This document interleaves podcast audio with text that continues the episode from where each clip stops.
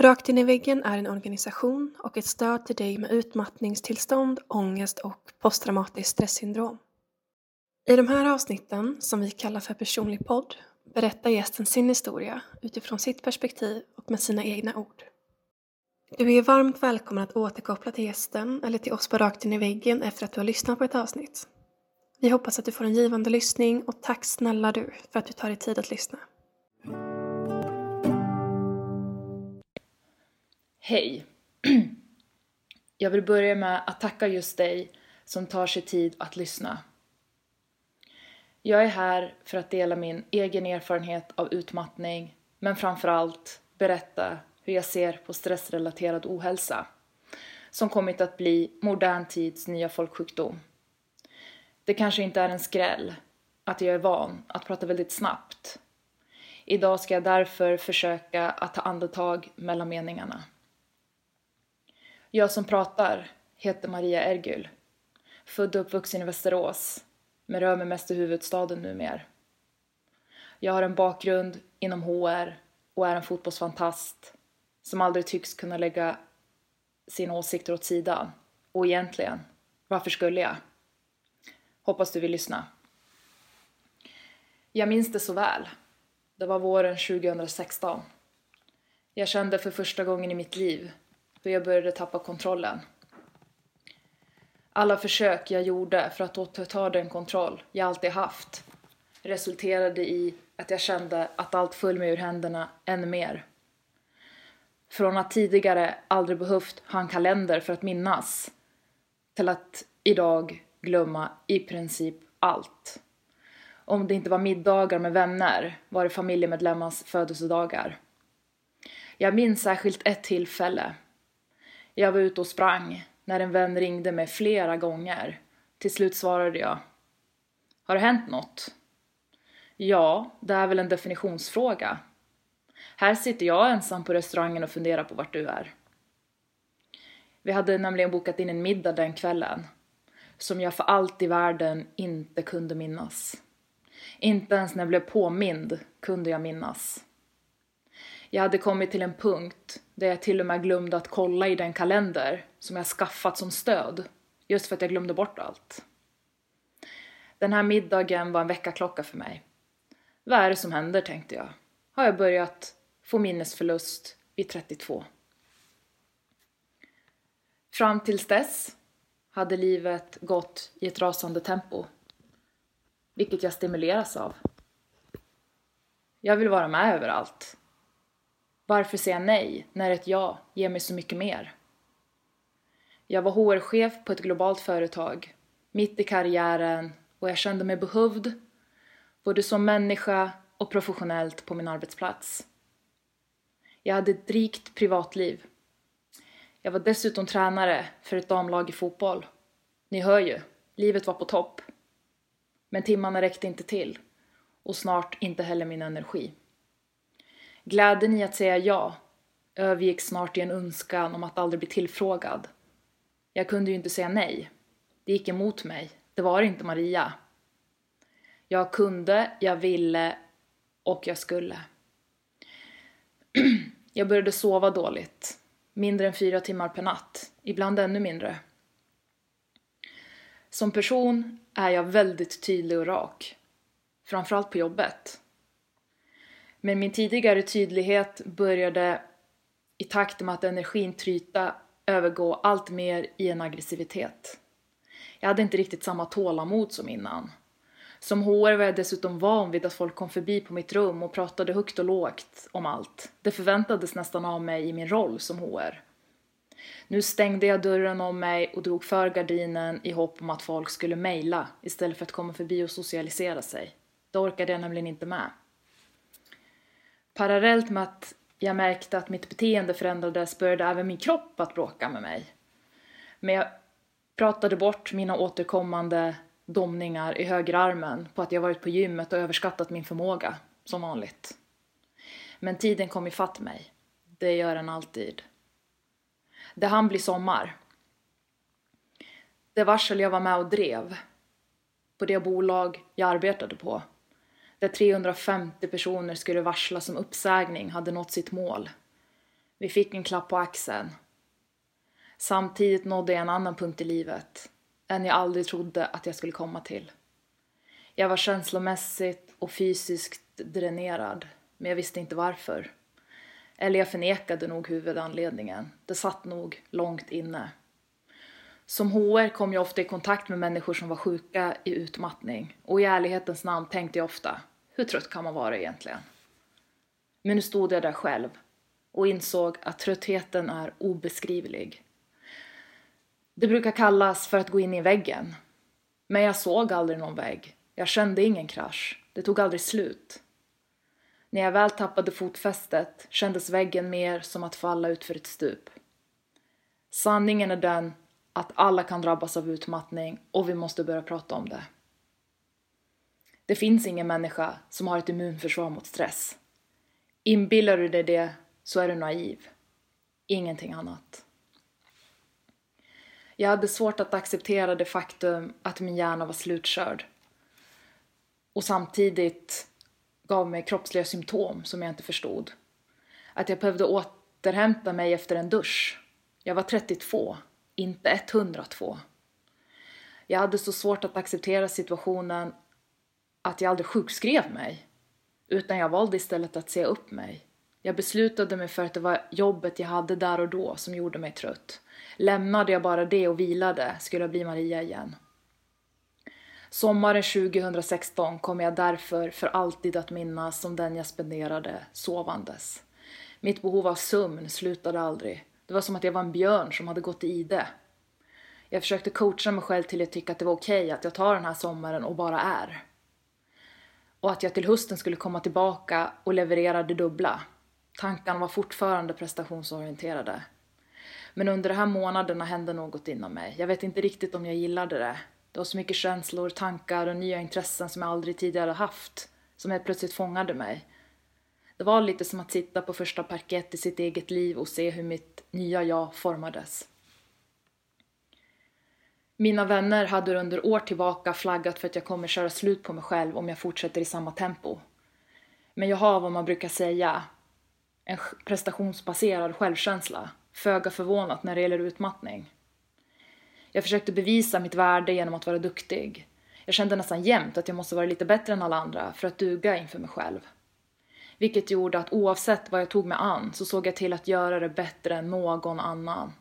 Jag satte upp ekonomiska mål, karriärsmål, mål om boende. You name it, I had it. Jag nådde alla mål jag satte upp och såg därför ingen anledning till att sluta. Det var ju en effektiv metod. Och jag fick bekräftelse från omgivningen. Jag fick en kick av att prestera, den där känslan av att vara queen of the world en stund. Jag fick en rusning av att se hur ögonen tindrade av beundran hos omgivningen när man gjort något över förväntan. Oavsett om det var på jobbet, på fotbollsplanen eller i relationer.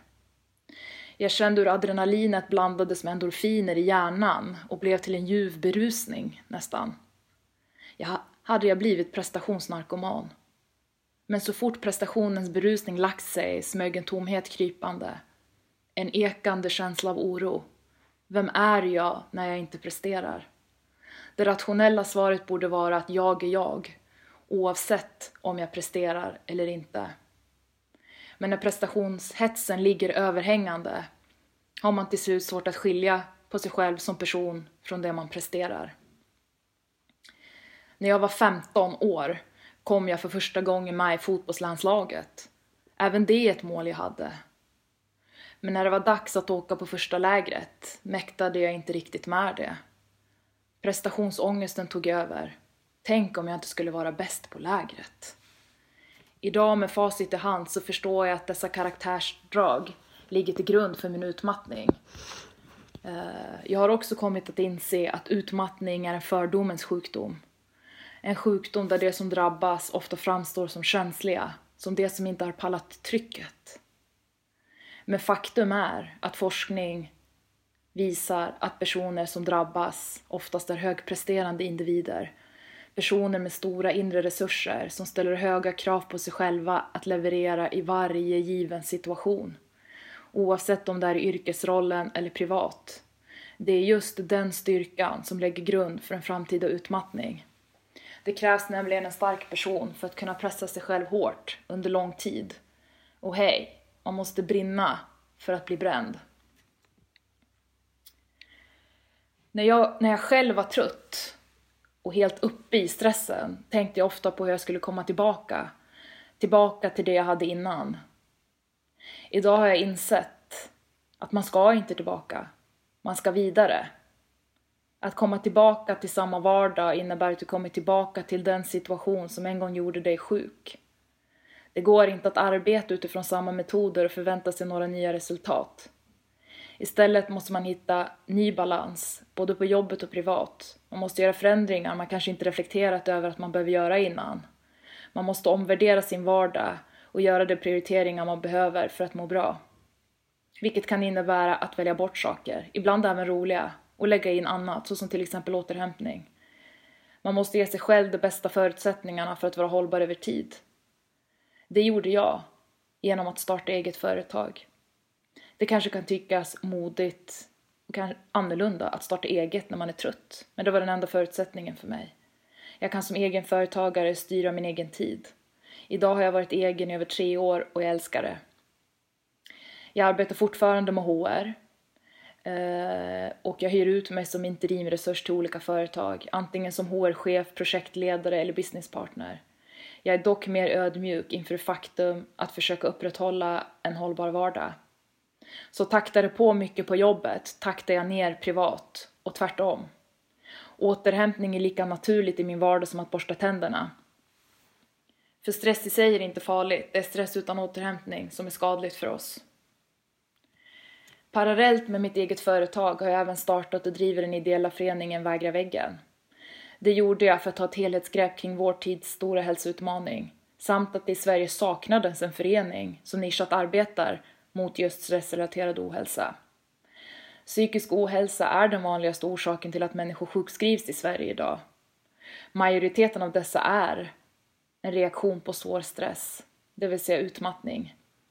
Vi lever i en allt mer globaliserad värld eh, som även är digitaliserad där kraven ökar med vindens fart. Vi kan inte jobba långsiktigt med samhällsutveckling men kortsiktigt med samhällsmedborgarna. Vem ska hålla samhället flytande när allt fler arbetar sig sjuka? Med Vägra väggen vill jag bidra till att skapa en öppen dialog kring utmattning. Ingen ska behöva leva med det i hemlighet, ingen ska behöva känna skam, skuld eller en känsla av att man misslyckats, oavsett bakomliggande orsak. Jag vill bidra till att fler vågar söka hjälp i tid. Det är när vi söker hjälp i tid vi kan bli räddade i tid.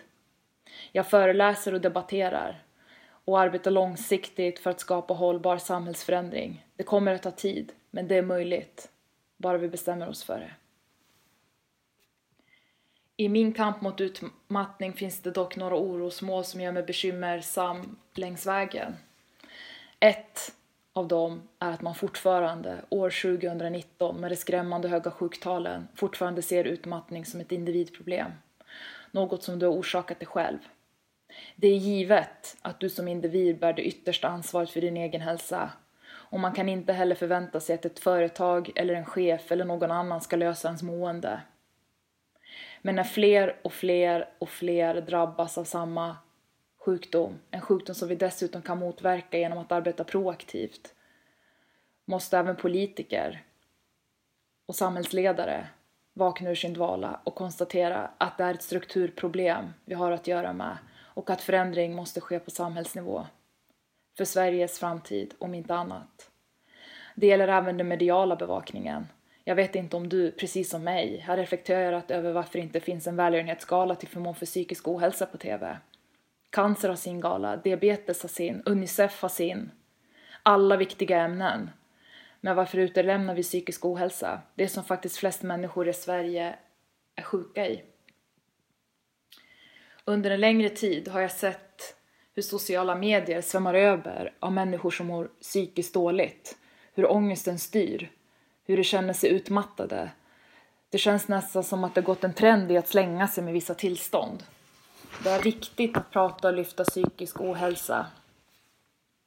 Men när människan kallar all möjlig nedstämdhet, trötthet och energitapp för utmattning är risken stor att vi förminskar en sjukdom som är livsomvälvande för det som drabbas. Jag upplever att det finns en viss status i att ha mycket att göra. Det är bra, det är bara lite mycket nu. Har blivit standardsvaret på frågan om hur du mår. Att känna sig stressad är förfärligt jobbigt, men det är inte samma sak som att vara utmattad. Utmattning är en allvarlig sjukdom som man varken hamnar i eller ur på några få veckor. Det är inget tillstånd man ibland känner av och stundtals glömmer bort. Utmattning ger bevisliga hjärnskador. Jag ser hur folk definierar sig som utmattade, sjukskrivna i några veckor för att omedelbart ha massa energi till att gå på konserter, middagar, träna inför maraton, driva sociala medier-konton med mera. Det finns olika grader av utmattning, men om du fungerar som människa, då har du inte utmattningssyndrom. Att då presentera sig som sjuk förminskar bara sjukdomen. Vi måste använda terminologin på rätt sätt och inte kasta oss med att vi är sjuka i utmattning eller har ångest så fort vi känner oss trötta eller nedstämda. Då kan vi aldrig åstadkomma den förändring som krävs. Vi kan inte heller få samhället att ta sjukdomen på allvar om vi själva slänger oss med begreppet, begreppen och förlöjligar allvaret. Innan jag svarar på några frågor som jag fått av följare tänkte jag skicka med några saker som jag tycker är viktigt att ni ska tänka på. Eh, och det är att var femte svensk är eller har varit deprimerad. 20% av den svenska befolkningen knaprar antidepressiva mediciner. Människor går runt och känner sig allmänt olyckliga. Olyckliga över fel beslut i livet, över sin familjesituation, sin karriär, att inte räcka till. Över att bekanta verkar ha det så bra i jämförelse med en själv. Eller för att man inte vet om man kommer få månaden att gå ihop ekonomiskt. Alla bär på sin historia. Därför vill jag säga, släpp det förflutna. Det är borta. Allt du har är nu och dina planer för framtiden. Bli lagkapten i ditt eget liv och se till att du styr din egen livsskuta, ingen annan. Sluta jämföra dig med andra. Det du ser, som verkar så himla bra, kanske bara är en fasad. Alla människor har problem. Alla. Fokusera ditt liv på vad du vill ska hända, inte på vad du inte vill ska hända. Man attraherar ofta sina tankar. Klappa dig själv på axeln för att du gjort ditt bästa, istället för att klandra dig själv för att det inte blev perfekt. Perfekt är en illusion som inte existerar. Ta ansvar för ditt mående, det stärker din självkänsla. Och nyckeln till misslyckande är att försöka vara alla till lags. Sluta med det om du inte vill fortsätta må dåligt. Och var inte rädd för att fråga människor om hur de mår. Ingen blir kränkt för att man genuint bryr sig. Och glöm inte, det är en dålig dag, inte ett dåligt liv. Vill ni komma i kontakt med mig så finns jag på kontot Vägra väggen, Vagravaggen på Instagram, Facebook och LinkedIn. På vår hemsida www.vagravaggen.se kan ni läsa mer om stress, köpa våra armband och ta ställning mot utmattning. Det kommer komma fler saker i shoppen inom kort samt att det kommer komma ett digitalt återhämtningsprojekt som jag skapat tillsammans med stressforskare och legitimerade psykologer som ni kommer kunna ta del av. Nu tänkte jag faktiskt svara på lite frågor här som jag har fått. Jag har fått en hel del frågor och eh, jag har valt ut några som jag eh, tänkte svara på.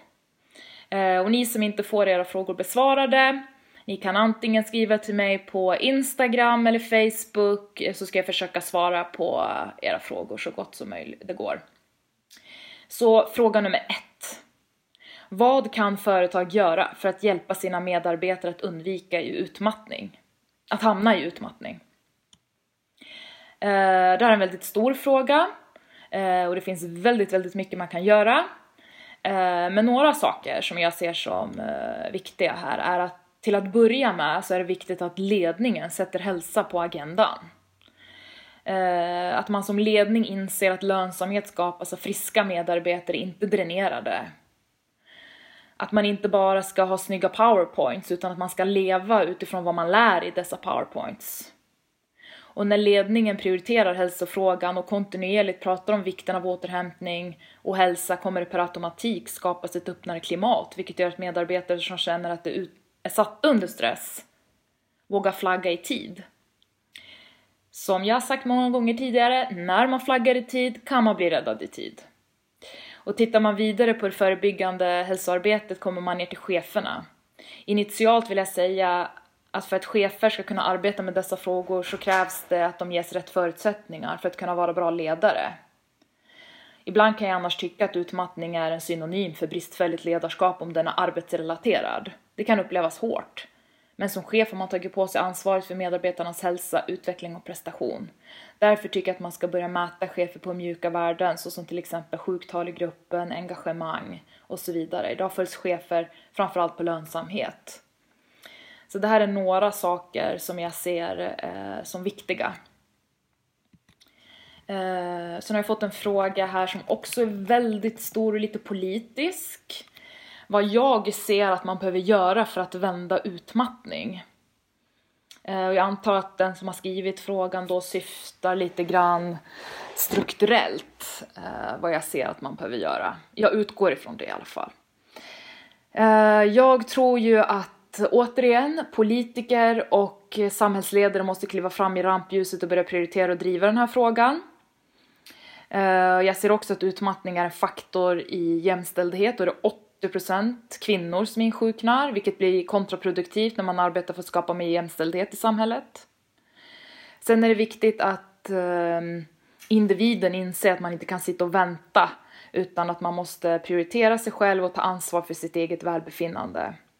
Sen tror jag att det måste tillkomma nya lagar på flera olika nivåer. Idag har företag till exempel en skyldighet att enligt lag se till att arbetsbelastningen inte blir så hög hos anställda att den riskerar att leda till ohälsa. Men det finns inga särskilda kontroller som säkerställer att detta efterlevs av arbetsgivarna, så lagen i sig blir absurd nästan. Eh, jag ser att regelverket måste ändras till att företag, eh, till exempel i anslutning till sin årliga redovisning till styrelsen, också måste presentera hur de arbetar systematiskt för att motverka stress på sin arbetsplats. Och gör man inte det så ska det vara liksom fullt av vite. Eh, företag gör ju det de mäts på, det är ju sedan gammalt. Det är nästan så att jag tycker att man ska svanenmärka arbetsmiljön. Sen ser jag också att det måste till regeländringar på Försäkringskassan. Det är ju direkt oacceptabelt att handläggare har mandat att kunna neka någon ett eh, neka någon sjukpenning eh, när ett läkarintyg är signerat. Det skapar ju bara större stress hos drabbade och förlänger sjukfrånvaron. Jag ser även att läkare behöver utbildning i det här. De, de saknar kunskap kring utmattning vilket gör att många initialt får fel diagnos vilket medför eh, helt andra behandlingsmetoder som förlänger sjukdomstiden.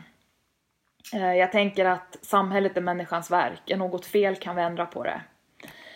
Uh, och sen har jag fått en fråga här som jag ska ta som sista. Det är om jag har några egna förhållningssätt till återhämtning som jag vill dela med mig av. Återhämtning och arbete som jag vill dela med mig av. Ja men det har jag några tror jag. Uh, många har en hektisk vardag uh, och det är mycket som ska hinnas med i det logistiklev som många lever. Det finns dock flera enkla verktyg och metoder man kan ta till för att hålla sig hållbar. De här har funkat för mig. Steg nummer ett att man måste tro på det faktum att regelbunden återhämtning är nyckeln till hållbarhet. Annars spelar det egentligen ingen roll vilka metoder man använder sig av. Återhämtning är som att ladda mobilen. Det behöver vi göra varje dag. Och jag börjar varje morgon med en så kallad mikromeditation. Jag ställer klockan några minuter tidigare. När jag vaknar ligger jag kvar i sängen och gör en så kallad kroppsskanning i fem minuter, vilket får mig att känna mig avslappnad och då kan jag börja dagen med positiv energi Morgonen är viktig för mig. Eh, den avgör nämligen hur resten av dagen ska se ut. Så att eh, det är viktigt att känna in vilka förutsättningar man har idag och anpassa dagen utifrån det. Och väl på jobbet eh, börjar jag alltid med att planera och styra upp hur dagen ska se ut. Jag har väldigt mycket möten. Eh, så jag planerar in vad som förväntas av mig, vad jag förväntar av andra och vad jag ska genomföra när dagen är slut. Det kan låta som ett jättearbete att jag håller på med det varje dag. Men det gör att jag också fokuserar på rätt saker. Så jag håller inte på att eh, lägga massa tid på saker eh, som jag inte har koll på. Och i Sverige älskar vi möten, så jag är noga med att inte närvara på möten som så kallade kafferep. Eh, det ska finnas en tydlig output av mitt deltagande, annars kan jag lägga tid på annat och då går jag sällan på de mötena. Och i slutet av varje dag går jag igenom morgonens lista för att se status. Och genom listor behöver jag inte minnas information vilket gör att min hjärna kan vila lite. Sen kör jag alltid någon form av fysisk aktivitet varje dag. Det eh, behöver inte vara något jätteintensivt, vi pratar liksom inte crossfit varje dag utan jag rör på mig. Har därtill flera lugna hemmakvällar i veckan, till skillnad från innan då jag ofta hade många planerade kvällar med aktiviteter. Det är viktigt att veta att även sociala aktiviteter som man tycker är kul är energikrävande, så man måste ha koll på sitt konto, energikonto. Det är lite som debet och kredit. Man ska aldrig göra av med mer energi än vad man har. Det här tar tid att lära sig, men det gäller att öva. Och det var faktiskt den sista frågan jag tänkte svara på. Eh, jag hoppas att du som har lyssnat har uppskattat min delning. Eh, och vill du komma i kontakt med mig så finns jag som sagt på Instagram, Facebook och LinkedIn. Vägra väggen eller så når du mig på vagraväggen.se. eh, Ta hand om dig och glöm inte att återhämta dig varje dag. Vill du också medverka i Rakt in i väggens podcast? Besök vår hemsida för mer information på www.raktinivaggen.com medverkan. Om du vill tipsa oss om en poddgäst eller om du har en fråga eller synpunkt på det vi gör kan du alltid mejla oss på podcast raktinivaggen.com för att få svar. Tack för att du lyssnar.